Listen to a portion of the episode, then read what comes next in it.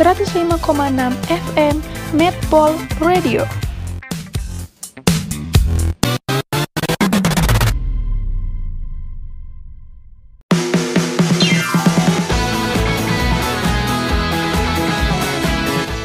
Semanggi, semangat pagi.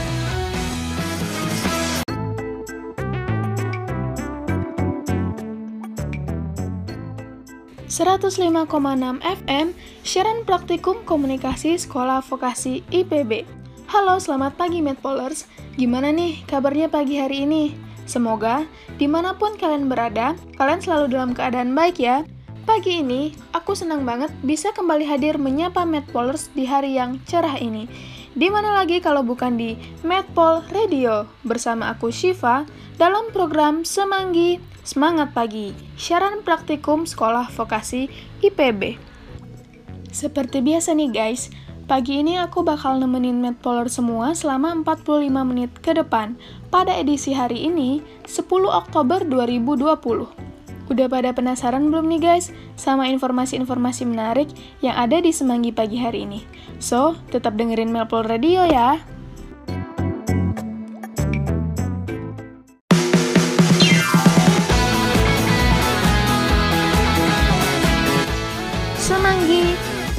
Pagi!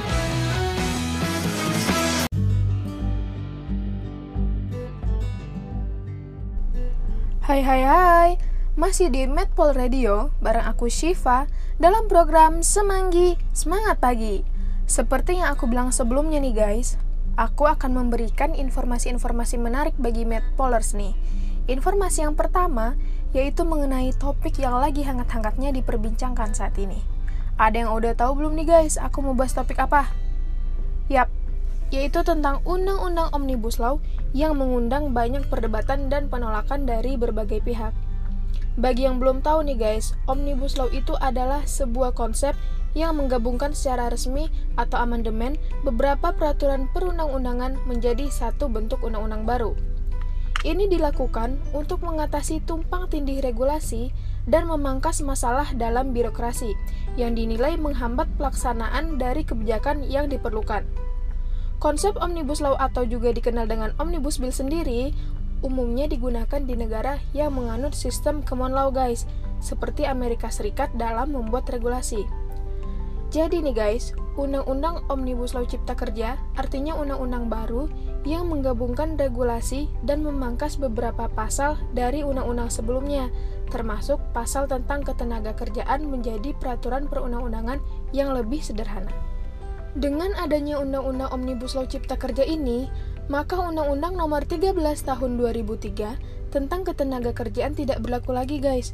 Undang-Undang Omnibus Law Cipta Kerja ini terdiri atas 11 klaster pembahasan ya Medpolars, yaitu yang pertama tentang penyederhanaan perizinan berusaha, yang kedua tentang persyaratan investasi, yang ketiga tentang ketenaga kerjaan, yang keempat tentang kemudahan dan perlindungan UMKM, yang kelima tentang kemudahan berusaha, yang keenam, tentang dukungan riset dan inovasi. Yang ketujuh, tentang administrasi pemerintahan. Yang kedelapan, tentang pengenaan sanksi. Yang kesembilan, tentang pengadaan lahan. Yang kesepuluh, tentang investasi dan proyek pemerintahan. Dan yang terakhir, tentang kawasan ekonomi. Dari 11 klaster seperti yang aku sebutkan tadi nih guys, tentunya ada ratusan pasal dalam Undang-Undang Omnibus Law Cipta Kerja ini namun hanya akan memaparkan sejumlah pasal berkaitan langsung dengan ketenaga kerjaan sebagaimana yang jadi perhatian banyak kalangan. Omnibus Law ini memiliki 79 undang-undang dengan 1244 pasal. Undang-undang direvisi agar investasi dapat semakin mudah masuk ke Indonesia. Rapat paripurna DPR Republik Indonesia telah mengesahkan rancangan undang-undang Omnibus Law Cipta Kerja menjadi undang-undang yang disetujui tujuh fraksi yang terdiri dari PDIP, Golkar, Gerindra, Nasdem, PKB, PPP, dan PAN. Namun, ada dua fraksi yang menolak yaitu Partai Demokrat dan PKS. Di samping itu nih guys, koalisi masyarakat sipil yang tergabung dalam fraksi Rakyat Indonesia atau biasa disebut FRI menolak secara tegas dan menyatakan mosi tidak percaya rancangan Undang-Undang Omnibus Law Cipta Kerja ini. Walaupun begitu, DPR pada akhirnya sepakat mengesahkan rancangan Undang-Undang Cipta Kerja. Kesepakatan itu diambil melalui hasil rapat paripurna pada Senin 5 Oktober 2020. Meski sudah disahkan oleh anggota dewan, rancangan Undang-Undang Omnibus Law Cipta Kerja ini harus melewati serangkaian proses untuk benar-benar menjadi undang-undang nih guys. Jadi, harus disetujui DPR dan wakil pemerintah terlebih dahulu. Dan kemudian diserahkan ke presiden untuk dibubuhkan tanda tangan dan terdapat keterangan pengesahan serta diundangkan dalam lembaga negara. Dan jika rancangan undang-undang tersebut tidak ditandatangani oleh presiden dalam kurun waktu paling lama 30 hari terhitung sejak rancangan undang-undang disetujui bersama, maka rancangan undang-undang tersebut sah menjadi undang-undang dan wajib diundangkan oleh Kementerian Hukum dan Hak Asasi Manusia atau Kemenkumham. Pada dasarnya nih guys, rancangan undang-undang ini dilakukan untuk mengatasi tumpang tindih dan memangkas masalah dalam birokrasi tetapi nih, nyatanya rancangan undang-undang ini malah banyak menuai perdebatan dan penolakan dari berbagai kalangan. Hal ini dibuktikan dengan adanya demonstrasi serentak di berbagai daerah di Indonesia pada Kamis 8 Oktober 2020. Titik unjuk rasa setidaknya berada lebih dari 20 daerah yang memaksa Pemda setempat meneruskan aspirasi pendemo untuk menolak undang-undang Omnibus Law ini. Salah satunya yaitu DKI Jakarta. Ribuan masa aksi penolak Undang-Undang Cipta Kerja menggelar Long March yang menutup Jalan Salemba dan Keramat Raya Jakarta Pusat pada hari Kamis 8 Oktober 2020. Hingga Kamis siang, sekitar pukul 1.30 waktu Indonesia Barat, Jalan Salemba Raya dari Simpang 3 Rumah Sakit Santa Carlos sudah ditutup oleh masa yang menolak pengesahan Undang-Undang Cipta Kerja. Saat masa aksi yang hendak menuju Istana Negara berkumpul di Simpang Harmoni, Kapolres Metro Jakarta Pusat Kombes Pol Heru Novianto sempat mengajak perwakilan demonstran bernegosiasi selama 15 menit hingga pukul 2 waktu Indonesia Barat. Akses jalan di Simpang Harmoni tertutup sejak pukul 1 waktu Indonesia Barat karena masa menutup jalur Jalan Juanda, Jalan Ngajamada, dan Jalan Hayam Wuruk. Di Simpang Harmoni, sejumlah perwakilan massa yang sebagian pelajar dan mahasiswa juga sempat berorasi. Namun aparat kepolisian lantas menembakkan gas air mata dan menyemprotkan air water cannon setelah masa aksi yang masuk dari Simpang Harmoni berkumpul dengan masa aksi lain di titik patung kuda Arjun Wiwaha. Upaya polisi membuarkan masa mulai terjadi sekitar pukul 2.30 waktu Indonesia Barat, sehingga suasana sempat memanas. Kerusuhan tersebut bermula saat masa yang bertahan di depan Balai Kota Jakarta didorong oleh pasukan bermotor pengurai massa dari dua arah, yaitu Brigade di Bundaran Arjun Wijaya dan Jalan Agus Salim samping Wisma Antara. Kemudian, masa yang semula duduk-duduk di jalanan dengan beberapa di antaranya masih menjaga barisan depan, mulai berlarian mundur. Akhirnya, Masa dari berbagai elemen masyarakat itu membuat brigade tepat di depan istana wakil presiden yang menghambat gerak maju pasukan bermotor kepolisian. Beberapa saat kemudian, masa aksi kembali maju ke arah patung Arjuna Wijaya dan mengejar pasukan bermotor kepolisian. Di sela-sela gerak maju tersebut, sejumlah elemen masyarakat yang ikut tergabung dalam aksi meluapkan kecewaannya dengan membakar dan merusak fasilitas umum di sejumlah titik di ibu kota. Kerusakan salah satunya terjadi di Kementerian Energi dan Sumber Daya Mineral atau ESDM. Bagian depan kementerian ini mengalami kerusakan akibat lemparan batu yang diduga dilakukan oleh masa aksi. Setidaknya 10 halte bus Transjakarta rusak dan 8 lainnya dibakar oleh massa. Halte yang terbakar tersebut meliputi halte Bundaran HI, Sarina, Tosari Baru, Tosari Lama, Karet, Sudirman, halte Sentral Senen, Senen arah Pulau Gadung, dan Senen arah HCB. Sementara halte yang dirusak meliputi halte HCB, Bank Indonesia, Gambir 1, Sumber Waras, Grogol 1, halte Duku Atas 1, Petojo, Bendungan Hilir, Rumah Sakit Tarakan, dan Kuitang. Selain halte Transjakarta, masa aksi juga meluapkan kekecewaan di kawasan Abdul Muiz Jakarta Pusat mereka merusak lampu merah di pertigaan jalan tersebut. Tak hanya itu nih guys, masa juga membakar ban di tengah jalan dan sisa-sisa lampu merah yang mereka rusak. Juga turut dibakar ke kobaran api. Sejumlah pos polisi juga menjadi sasaran kemarahan massa. Pos yang dibakar antara lain pos polisi Patung Kuda Arjuna Wihaha, pos polisi Tugu Tani, dan pos polisi di Harmoni. Selain itu, bekas gedung bioskop Grand Theater Senen juga turut dibakar massa. Bangunan tua itu diduga dibakar massa yang melintas selepas aksi di sekitar Istana Negara. Api ternyata turut menyambar empat ruko di kompleks Rukomaya yang berada tepat di belakang Grand Theater Senen. Ruko yang terbakar itu menjual berbagai macam buku, membuat api dapat mudah menyebar.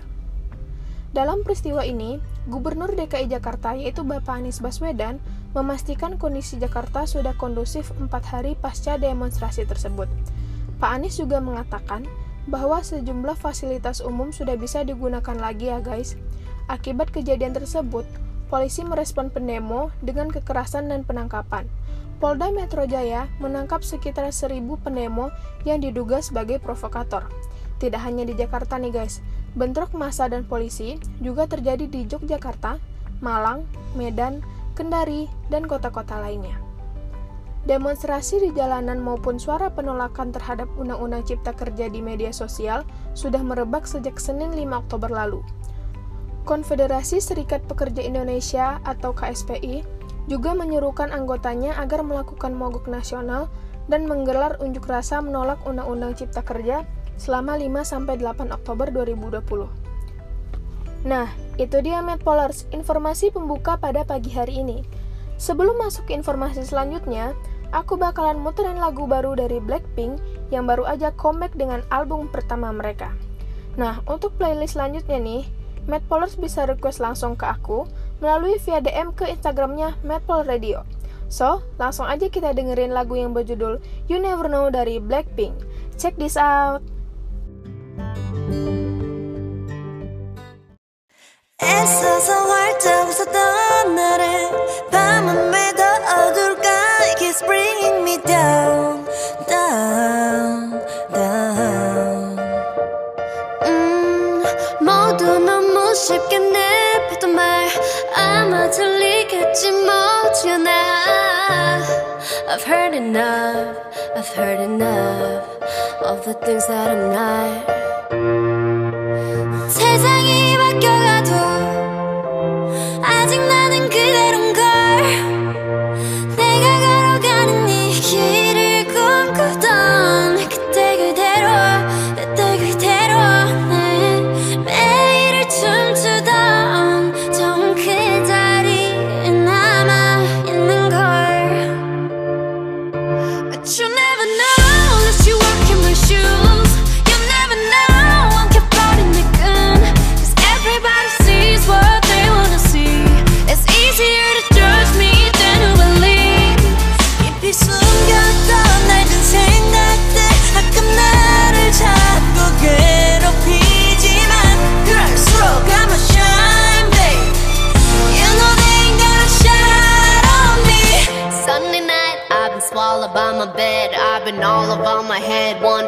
Gotta try and pretend. 나도 잘 모르는 날, 누가 알아주길 기대하는 내 모습이 차지가 두려워.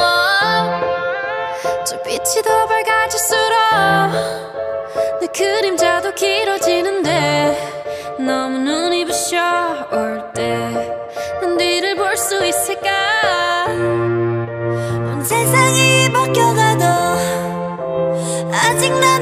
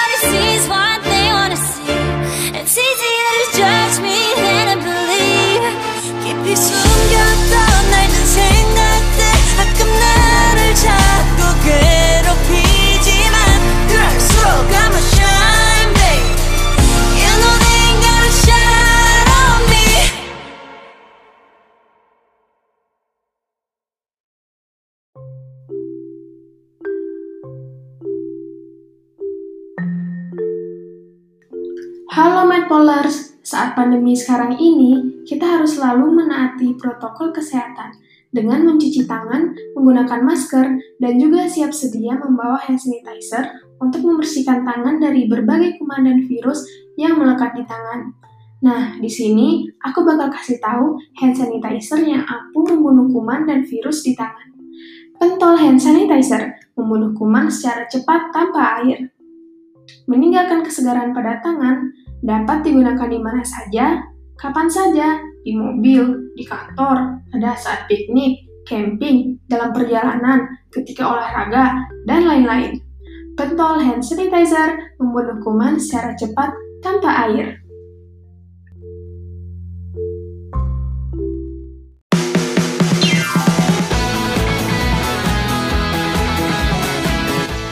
Semanggi, semangat pagi!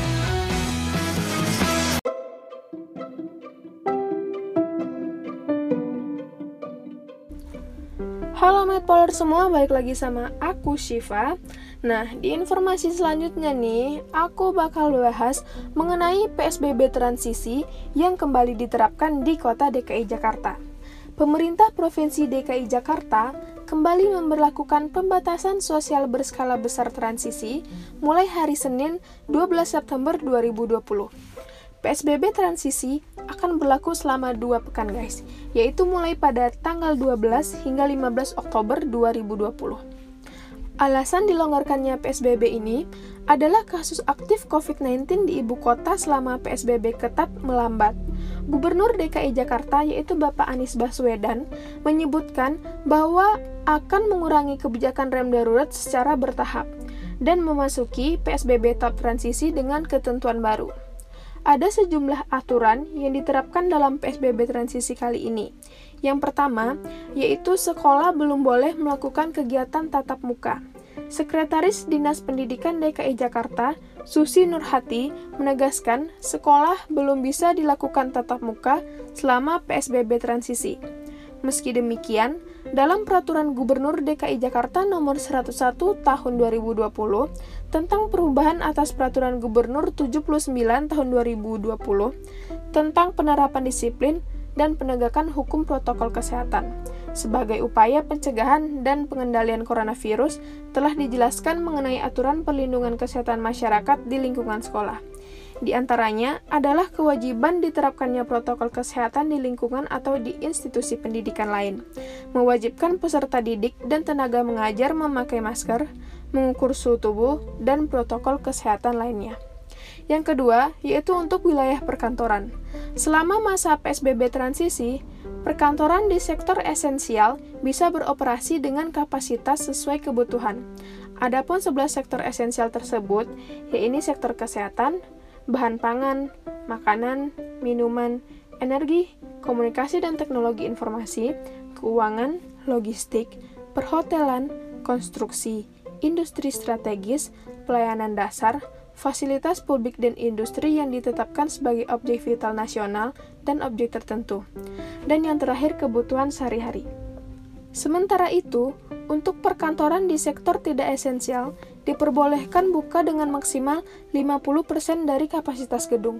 Semua perkantoran wajib mengikuti ketentuan protokol kesehatan tambahan seperti membuat sistem pendataan pengunjung yang berisikan nama pengunjung, nomor induk kependudukan atau NIK, nomor ponsel, waktu berkunjung, dan waktu bekerja.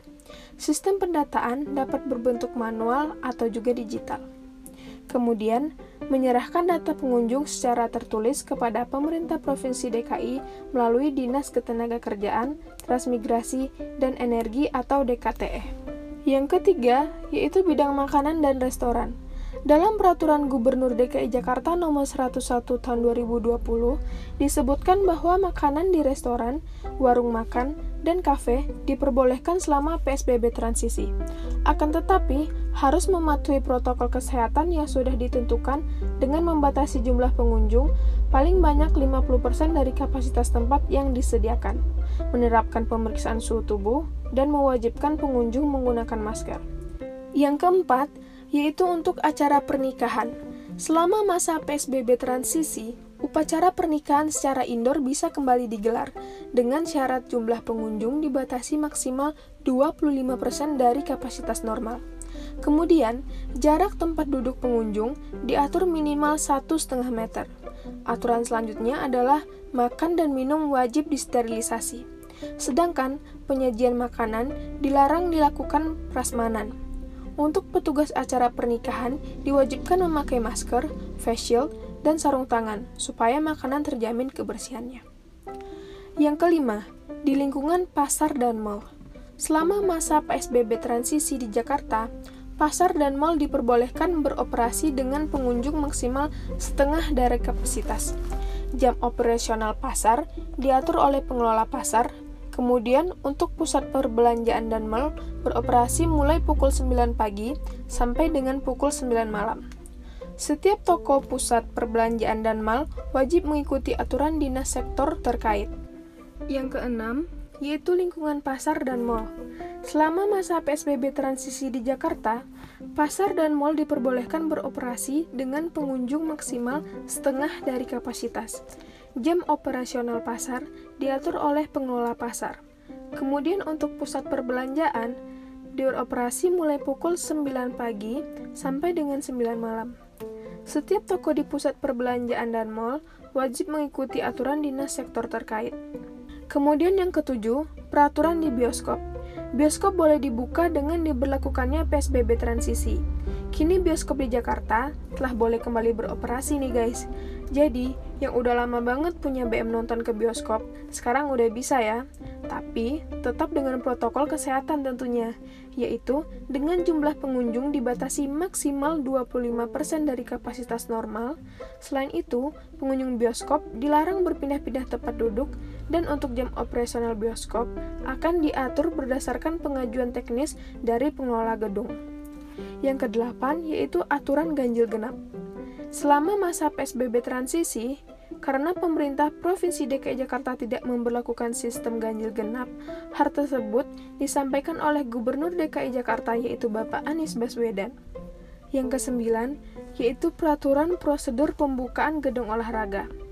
Gor indoor akan kembali diizinkan untuk dibuka. Akan tetapi nih guys, tidak diperbolehkan ada penonton di dalam gedung. Selain itu, gor hanya boleh dikunjungi pengunjung sebanyak setengah dari kapasitas gor tersebut. Jam operasional gor ditentukan dari pukul 6 pagi sampai 9 malam. Diwajibkan menerapkan SOP ketat pada area publik yang dipakai bersama. Yang ke-10 yaitu kunjungan rekreasi pada masa PSBB transisi. Taman rekreasi di Jakarta boleh dibuka, tetapi pembelian tiket harus dilakukan secara online. Taman rekreasi diperkenankan beroperasi mulai pukul 8 pagi hingga 5 sore. Pembatasan pengunjung taman rekreasi juga ditetapkan, yaitu maksimal 25% dari kapasitas. Saat PSBB transisi ini, anak di bawah 9 tahun dan orang tua di atas 60 tahun dilarang masuk ke taman rekreasi. Yang ke-11 yaitu pusat kebugaran yang ada di DKI Jakarta. Pada masa PSBB transisi diperbolehkan dibuka dengan batas maksimal pengunjung adalah 25% dari kapasitas. Pengaturan jarak antar pengunjung juga wajib diterapkan dan minimal 2 meter. Latihan bersama di ruangan tertutup juga dilarang, tetapi diperbolehkan dilakukan di luar ruangan. Jam operasional pusat kebugaran yaitu mulai pukul 6 pagi sampai pukul 9 malam. Yang ke-12 yaitu mengenai operasional angkutan umum. Pembatasan kapasitas dan waktu operasional angkutan umum dan transportasi massal diberlakukan sesuai pengaturan Dinas Perhubungan atau Kementerian Perhubungan. Dengan demikian, aturan saat PSBB transisi di Jakarta kembali ke Surat Keputusan Dinas Perhubungan Provinsi DKI Jakarta nomor 156 tahun 2020 tentang petunjuk pelaksanaan PSBB di bidang transportasi. Berdasarkan surat ketentuan nomor 156 tahun 2020, jumlah kapasitas untuk bus besar Transjakarta hanya diisi sebanyak 60 orang. Bus sedang maksimal 30 orang dan bus kecil diisi 15 orang. Pada bus besar dan sedang, pengaturan duduknya dibatasi, yaitu satu baris kursi hanya boleh diisi dua orang. Posisi duduknya dipisah oleh gang atau lorong. Jadi, jumlah kapasitas bus tergantung dari berapa jumlah barisnya. Untuk bus kecil dengan kursi berhadapan, seperti angkot dan mikrolet, hanya diisi enam orang, yaitu satu pengemudi, dua penumpang di sisi kiri belakang, dan tiga penumpang di sisi kanan belakang. Sementara, untuk bus kecil berkursi 4 baris hanya bisa diisi 6 orang, yaitu pengemudi, satu penumpang di baris kedua, dan dua penumpang di baris ketiga dan keempat. Sedangkan yang berkursi 5 baris ditambah dua penumpang di baris kelima. Adapun baja selama PSBB transisi hanya boleh membawa satu penumpang saja. Jam operasional Transjakarta dan angkutan umum reguler mulai pukul 5 subuh hingga jam 7 malam. Yang ke-13, yaitu untuk salon dan tempat cukur selama PSBB transisi. Pelayanan salon dan tukang cukur di wilayah Jakarta kembali diizinkan. Pengunjung hanya setengah kapasitas gedung. Protokol kesehatan juga wajib diterapkan di salon dan tempat cukur. Namun, pelayanan perawatan muka dan pijat masih ditiadakan selama masa PSBB transisi. Yang keempat-belas, untuk tempat hiburan dan karaoke. Tempat hiburan malam, spa, geria pijat, dan karaoke di Jakarta belum diizinkan buka selama masa PSBB transisi. Karena tempat hiburan berisiko tinggi terhadap penularan virus corona. Yang ke-15 yaitu tempat ibadah. Mengutip peraturan Gubernur nomor 101 tahun 2020, tempat ibadah wajib melaksanakan perlindungan kesehatan, yaitu dengan membatasi jumlah pengguna tempat ibadah paling banyak setengah dari kapasitas tempat ibadah, memberlakukan pengukuran suhu, menghimbau pengguna tempat ibadah membawa alat ibadah sendiri, melakukan pembatasan jarak minimal 1 meter, membersihkan tempat ibadah dengan melakukan disinfeksasi pada lantai, dinding, dan perangkap bangunan tempat ibadah sebelum dan setelah kegiatan khusus tempat ibadah juga harus melakukan pencatatan pengunjung. Yang terakhir, yaitu kewajiban mengisi buku tamu selama PSBB transisi di Jakarta. Tempat usaha hingga restoran diwajibkan mencatat data semua pengunjung dan pegawai. Pencatatan dilakukan menggunakan buku tamu atau sistem teknologi informasi. Pengisian buku tamu ini bertujuan untuk memudahkan pelacakan atau kontak tracking apabila ada salah satu pegawai atau pengunjung positif COVID-19. Jenis usaha yang diharuskan mencatat data pengunjung dan pegawai di antaranya pabrik, pergudangan, museum, galeri, dan tempat pameran. Oke, Madballers, setelah dengerin informasi dari aku tadi, pasti udah nungguin the next playlist kan? Nah, aku udah cek DM dari Madpollers yang udah nge-request lagu-lagu dari kita nih.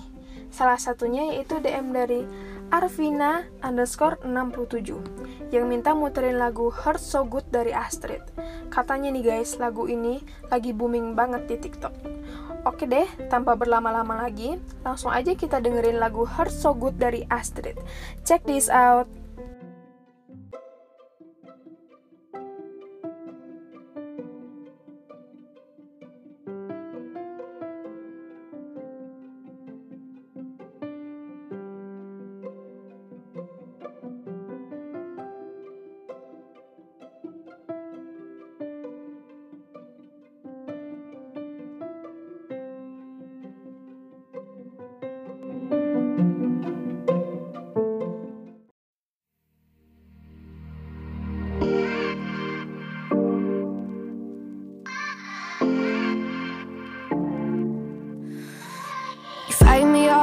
Firefighter.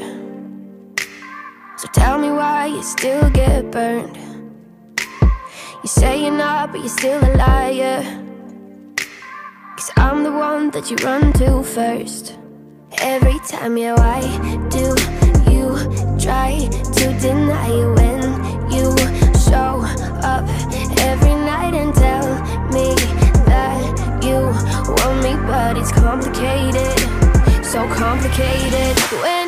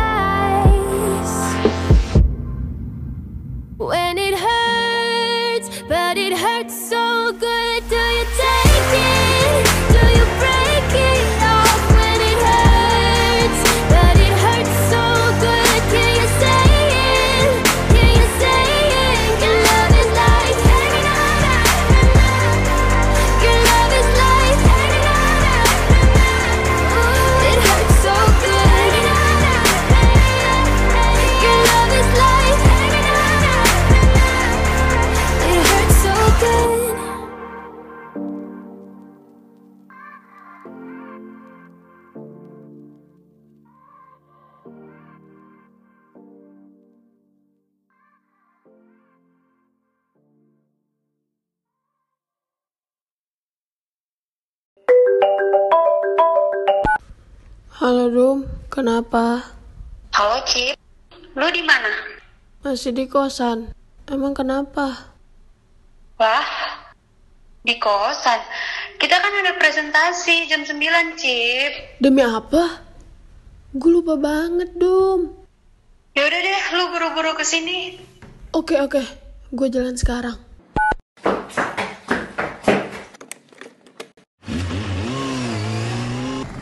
Ya, lampu merah lagi. Gimana nih? Kalau gue berhenti, ntar gak keburu. Udah deh, gue terobos aja.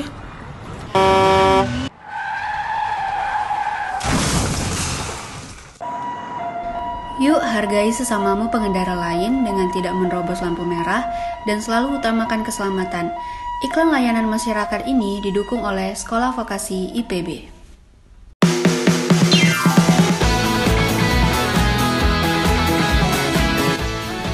Semanggi, semangat pagi.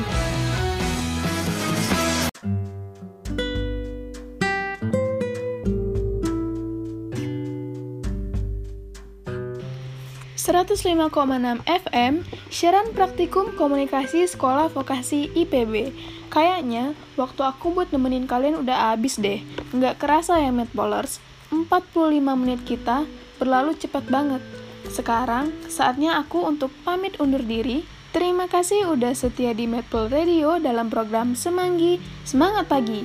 Minggu depan di waktu yang sama dan program yang sama, aku bakal kembali hadir menemani kalian para Medpolers dan yang pastinya dengan informasi-informasi yang lebih menarik lagi. Selamat pagi dan selamat melanjutkan aktivitas Medpoler semua. Jangan lupa patuhi protokol kesehatan ya. Bye!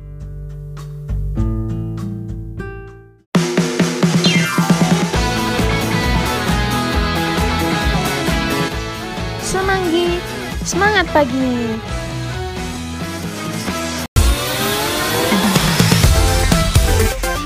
Seratus lima koma enam FM Medpol Radio.